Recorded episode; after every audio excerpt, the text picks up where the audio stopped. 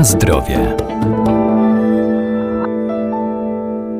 Każda żywność, którą kupujemy, musi być w odpowiedni sposób opisana. Prawidłowo oznakowane opakowanie to dla nas cenne źródło informacji, dzięki którym zrobimy zakupy bezpieczne i zgodne z naszymi oczekiwaniami. To ważne także przy zakupie pieczywa. Specjalne oznakowania posiadają również produkty chronione i tradycyjne.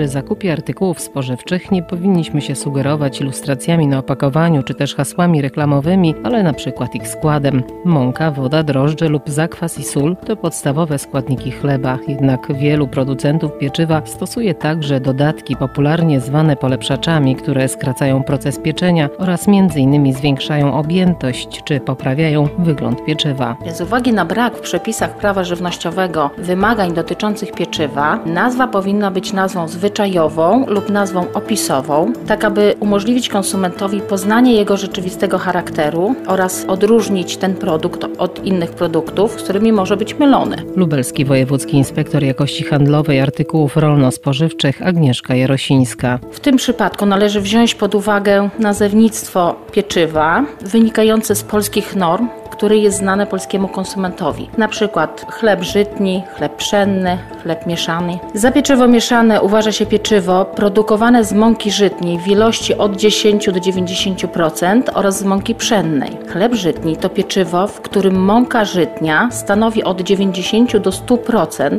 a mąka pszenna jest dodawana w ilości mniejszej niż 10%.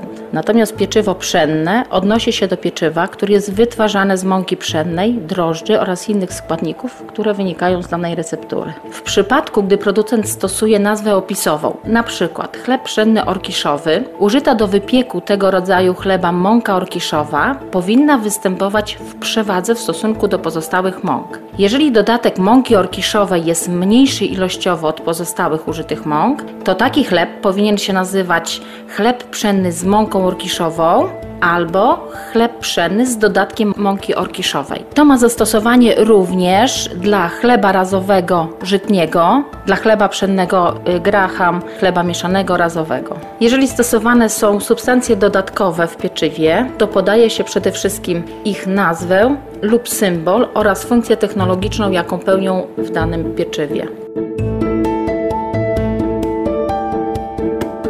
Na zdrowie.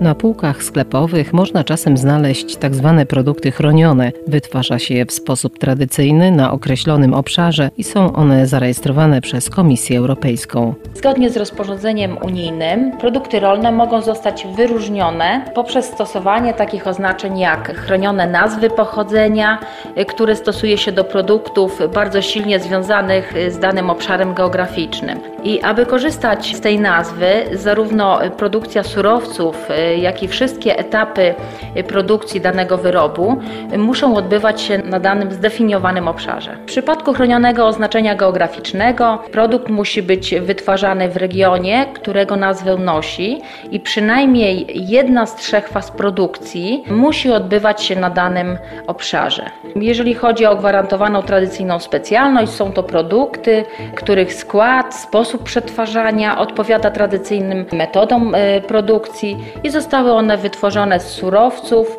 które są y, tradycyjnie używane. Chronioną nazwę pochodzenia y, posiada brędza podhalańska, oscypek. Chronione oznaczenie geograficzne posiada nasz cebularz lubelski, a gwarantowaną tradycyjną specjalnością są miody pitne, staropolskie, które są produkowane na terenie naszego Lublina. Stosowanie tych oznaczeń pozwala na łatwiejszą identyfikację produktów, jak również na ochronę przed y, bezprawnym stosowaniem zarejestrowanych nazw. Oznaczenia te możemy spotkać na różnego rodzaju wyrobach i wszystko jest uzależnione w jaki sposób y, podaje producent.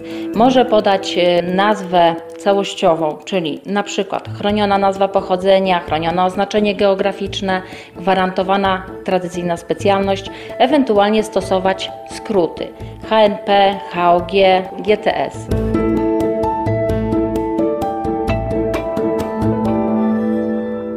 I pamiętajmy, że jeśli żywność okaże się nieświeża lub niezgodna z tym, co deklaruje na opakowaniu producent, zawsze przysługuje nam prawo do reklamacji. Składamy ją u sprzedawcy.